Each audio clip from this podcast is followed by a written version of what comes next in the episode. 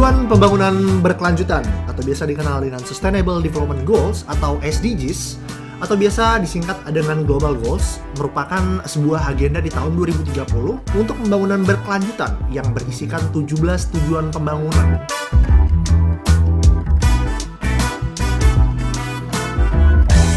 This is youthoughts.id, sebuah media podcast yang akan membahas, berbincang, serta berdiskusi tentang topik-topik ringan soal tujuan pembangunan berkelanjutan atau SDGs bersama dengan beberapa anak muda inspiratif ataupun yang punya interest dan concern sama topik yang satu ini.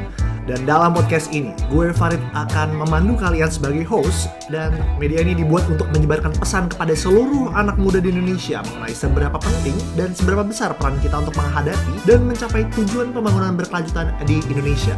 Because there's no planet B. This is youthoughts.id, where one conversation could inspire the society.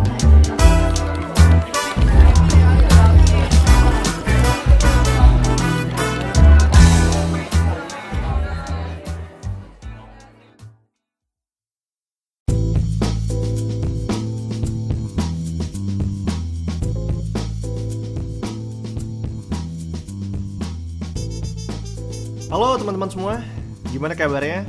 Semoga teman-teman semua dalam keadaan yang sehat di tengah masa-masa yang sulit seperti ini ya. Lagi, di sini Youthoughts underscore ID kembali ngupdate episode baru setelah sekian lama. Dan seperti yang udah dijelasin sebelumnya, kita akan ngasih kalian beberapa informasi yang relate terkait dengan peran anak muda terhadap tercapainya tujuan pembangunan berkelanjutan atau Sustainable Development Goals. Nah, salah satu goals dari 17 tujuan pembangunan berkelanjutan ini adalah goals nomor 8, yaitu Decent Work and Economic Growth di mana goals ini memiliki tujuan di tahun 2030 untuk mencapai dan menyuarakan peningkatan pertumbuhan ekonomi yang berkelanjutan, inklusif, serta full employment atau tingkat pekerjaan yang penuh dan produktif. Serta pekerjaan yang layak untuk semua orang atau decent work for all. Dan pada episode kali ini, gue Farid sebagai host akan membahas sedikit soal hal yang terkait sama anak muda dan juga goals nomor 8 ini khususnya soal persiapan apa sih yang sebenarnya bisa kita lakuin sebagai anak muda demi bisa kontribut uh, dengan tercapai uh, terhadap tercapainya goal nomor 8 ini nantinya. Salah satu poin atau target dari indikator goal nomor 8 ini adalah poin nomor 8.5 di mana statementnya berisikan pada tahun 2030 we aim to achieve full and productive employment and decent work for all women and men termasuk pemuda dan orang-orang dengan disabilitas, serta tingkat upah yang setara untuk pekerjaan dengan nilai yang sama. Dan selanjutnya poin nomor 8.6 juga berisikan statement bahwa di mana pada tahun 2020 secara substansial uh, mengurangi proporsi anak muda yang tidak bekerja, tidak terdidik dan juga tidak terlatih. Nah, tapi selama uh, gue proses gathering materi lewat beberapa sumber atau beberapa source yang ada, gue nemuin beberapa uh, finding yang menurut gue cukup informatif sih uh, terkait sama goals nomor 8 ini.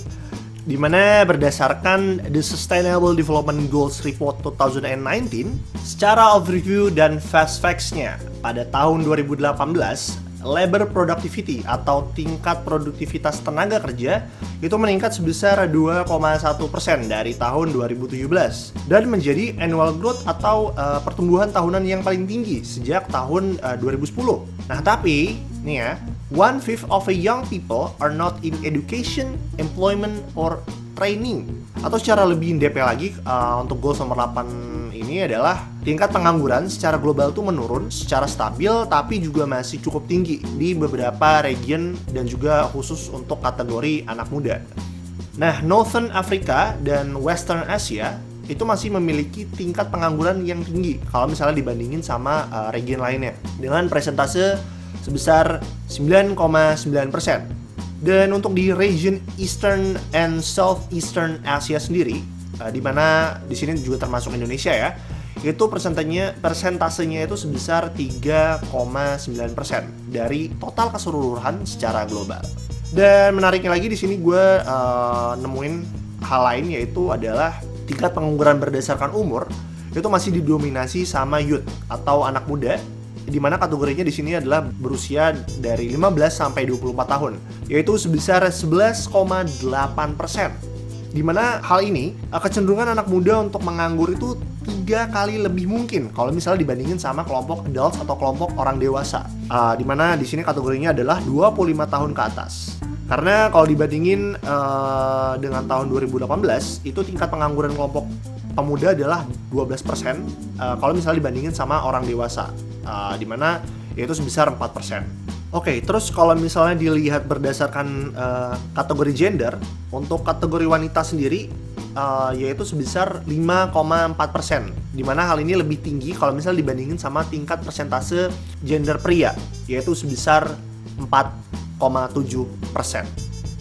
Nah, menurut International Labour Organization atau ILO pada tahun 2017 itu uh, bilang bahwa seenggaknya masih ada sekitar 71 juta pemuda yang nganggur di seluruh dunia. Dan salah satu alasannya adalah karena kurangnya critical skills yang dibutuhin sama uh, pekerja, uh, suatu pekerjaan itu sendiri.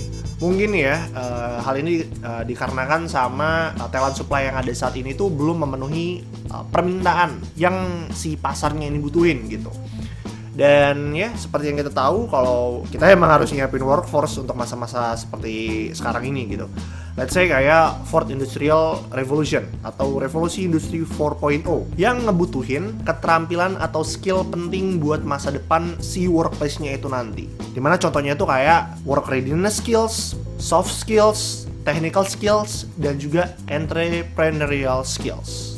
Dan sebenarnya nih ya uh, hal-hal kayak gitu tuh sebenarnya bisa apa ya bisa ditunjukin juga itu lewat uh, Global Competitiveness Index Report. Contohnya kayak di tahun 2019 gitu, di mana uh, kita ambil contoh di Indonesia sendiri itu uh, berdasarkan GCI atau Global Competitiveness Index uh, tahun 2017 sendiri itu Indonesia ada di peringkat sekarang ya ada di peringkat 50 Hmm, kalau dibandingin karena kalau dibandingin sama uh, tahun sebelumnya tuh Indonesia ada di peringkat 45. Dan lagi-lagi uh, kalau kita bandingin sama beberapa negara ASEAN lain ya, uh, peringkat Indonesia ini masih jauh banget kalau misalnya dibandingin sama negara-negara kayak Singapura itu yang ada di peringkat pertama uh, untuk saat ini.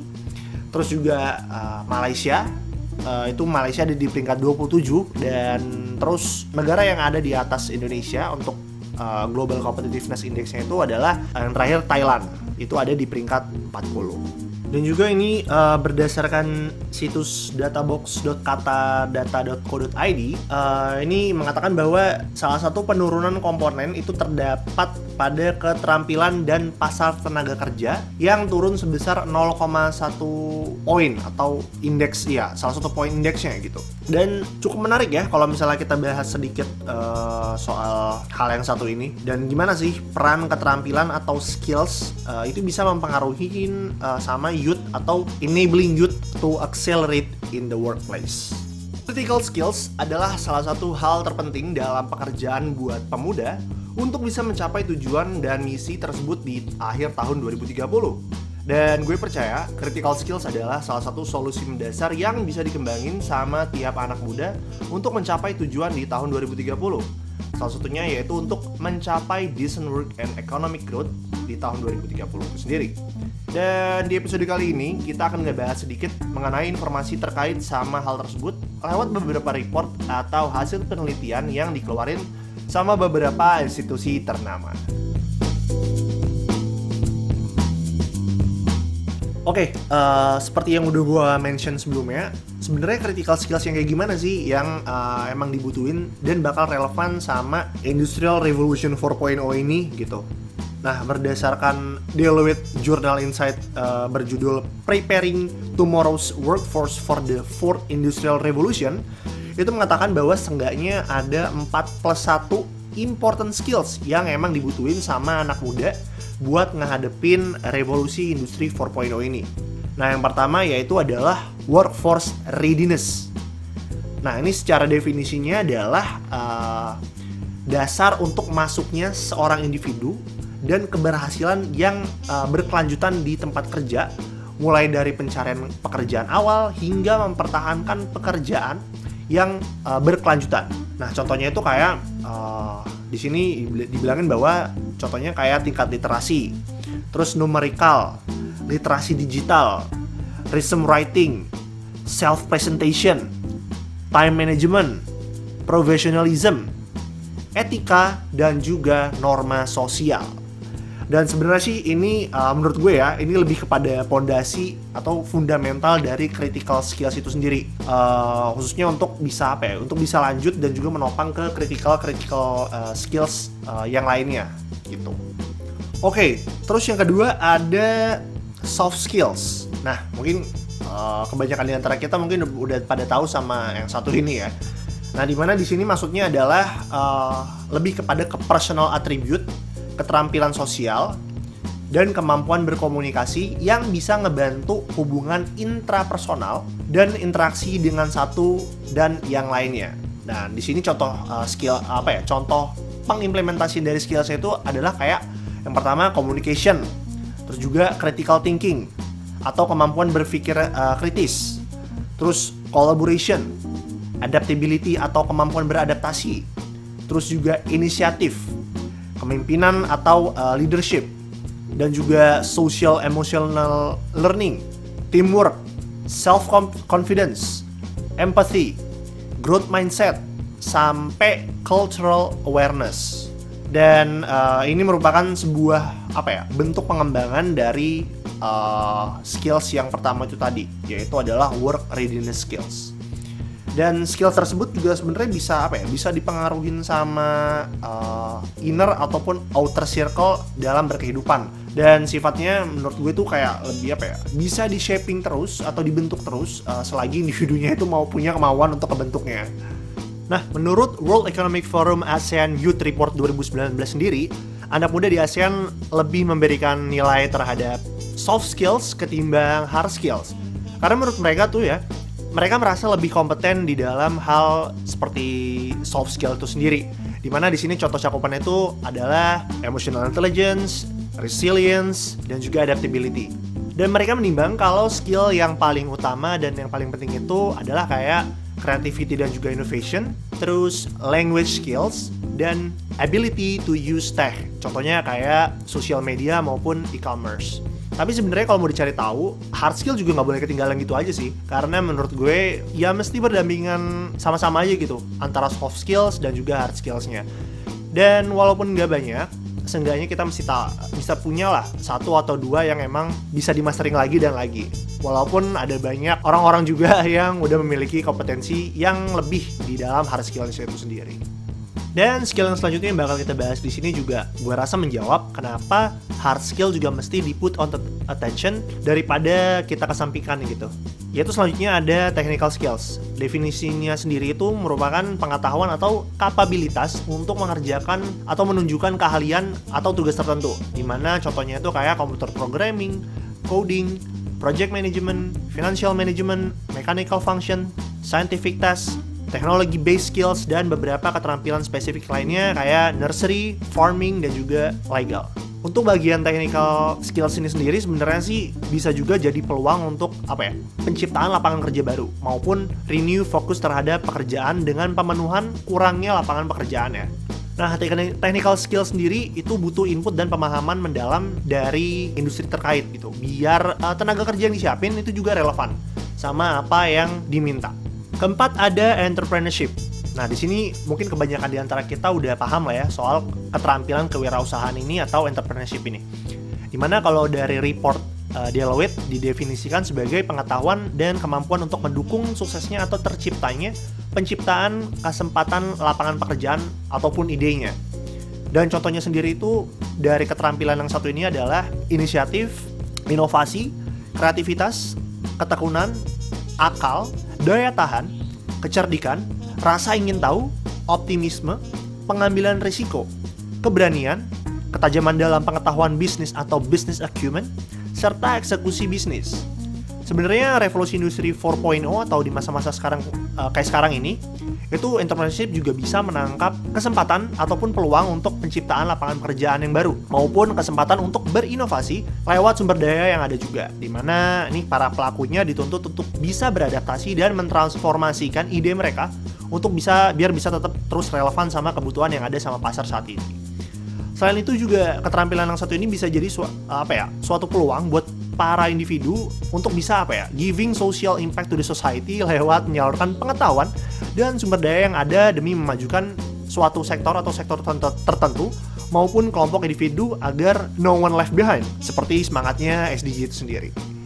Dan di sini gue juga nemuin beberapa data dan facts yang gue ambil dari report Youth ASEAN Youth Report itu tadi, di mana pemuda di ASEAN itu menunjukkan keinginan mereka yang kuat untuk jadi entrepreneur atau pengusaha maupun bekerja untuk perusahaan multinasional. Dan secara positif pun ini juga ditunjukkan dari preferensi, preferensi yang paling tinggi dari anak-anak muda di ASEAN ini untuk menjadi entrepreneur nunjukin uh, menurut gue sih nunjukin juga kalau banyak anak-anak muda ini yang memiliki cita-cita untuk menjadi pengusaha di bidang mikro atau kecil dengan menggunakan e-commerce platform, sistem pembayaran online dan juga sosial media demi mendukung bisnisnya mereka tuh tadi. Dan ini nih, salah satu yang paling utama dan yang paling penting sih menurut gue pribadi karena ini tuh kayak pondasi dasar yang paling utama dari seluruh important skills yang tadi udah sempat kita bahas bareng-bareng tadi. Yaitu adalah lifelong learning di mana hal ini didefinisikan sebagai proses berkelanjutan untuk mendapatkan pengetahuan atau knowledge dan keterampilan baru sebagai progres dari individu itu sendiri, baik kita lewat profesional karir maupun personal karir mereka.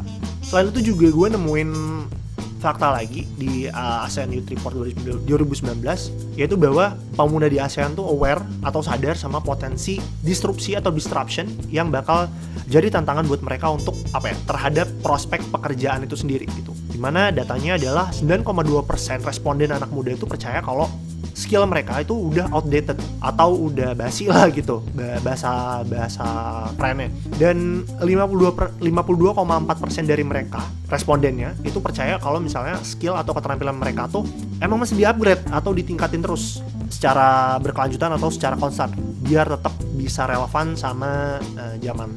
Terus juga beberapa responden di sini juga ngelaporin kalau 5,7% dari responden ini bilang bahwa mereka kehilangan pekerjaan baik itu karena skill mereka nggak relevan lagi ataupun karena pekerjaan mereka udah nggak udah bisa digantiin sama teknologi aja gitu.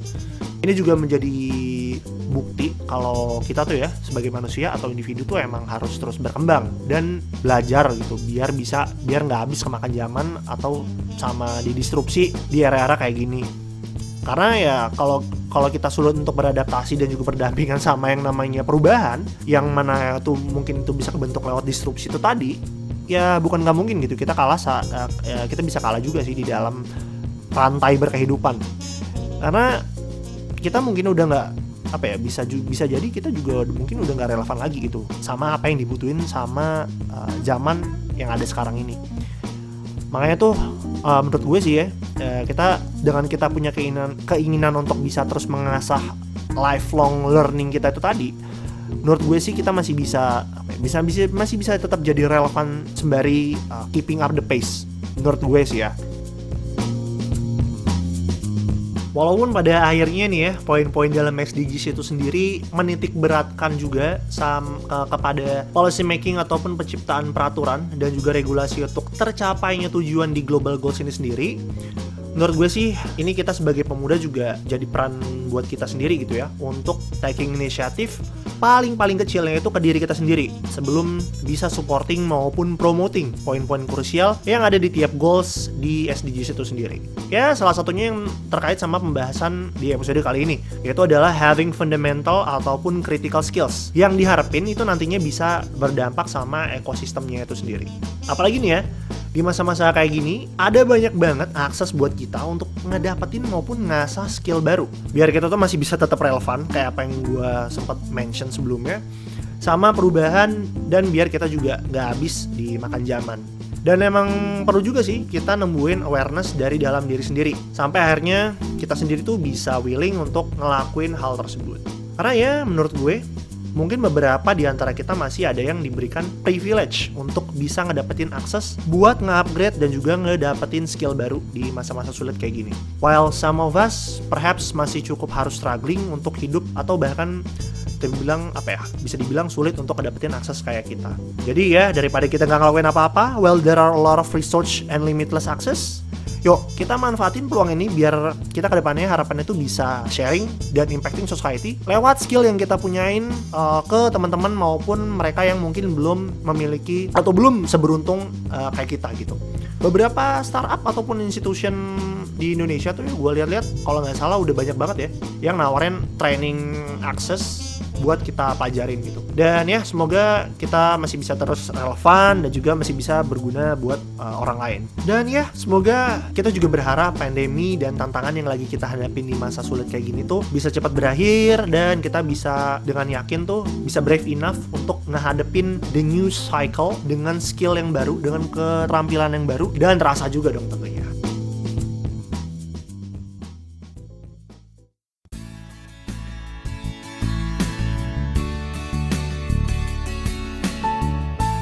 Itu dia tadi pembahasan mengenai the critical skills yang harus dimiliki sama kita khususnya buat pemuda. Biar harapnya kita masih bisa terus relevan sama apa yang lagi dibutuhin sama dunia saat ini. Dan tentu aja dengan kita memiliki critical skills tersebut di dalam individu masing-masing dan juga di dalam berkehidupan harapannya kita bisa contribute buat tercapainya goals nomor 8 atau tujuan nomor 8 ini dalam SDGs yaitu decent work and economic growth Semoga episode kali ini informatif dan bisa tetap terus memberikan awareness buat kalian soal SDGs atau tujuan pembangunan berkelanjutan itu sendiri. Mohon maaf juga kalau ada kalau kalau ada pembahasan yang keliru dalam penyampaian di dalam episode kali ini. Sekali lagi, kalau kalian punya kritik, saran, opini, atau bahkan rekomendasi topik yang mau dibahas, kalian bisa langsung reach out kita lewat social media di Twitter, Instagram, ataupun email yang nanti linknya bakal ditaruh di deskripsi. Disclaimer sekali lagi, gue di sini bukan seorang expertise yang tahu semuanya soal SDGs atau bahkan ngeguruin atau bahkan ngajarin, ngajarin kalian, nggak bukan ya. Karena gue di sini itu sama uh, sama kayak kalian juga, itu lebih kepada belajar dan juga lebih memberi uh, lebih kepada men menyampaikan informasi dan thoughts mengenai SDGs itu sendiri. Biar harapannya kita bisa tetap aware sedikit-sedikit sama topik-topik kayak gini. Terima kasih juga buat yang udah mendengarkan episode kedua kali ini. Harapannya nih ya, moga-moga kita bisa rajin update terus podcast ini biar bisa tetap ngasih thoughts dan juga insight soal tujuan pembangunan berkelanjutan atau SDGs dan tentunya biar bisa uh, contribute dari hal, lewat hal-hal kecil kayak gini terhadap tercapainya tujuan pembangunan berkelanjutan dalam bentuk increasing awareness. Because we do believe and hope one conversation could inspire the society. See you in the next episode, and I'm Farid, and I'm signing out. Bye bye.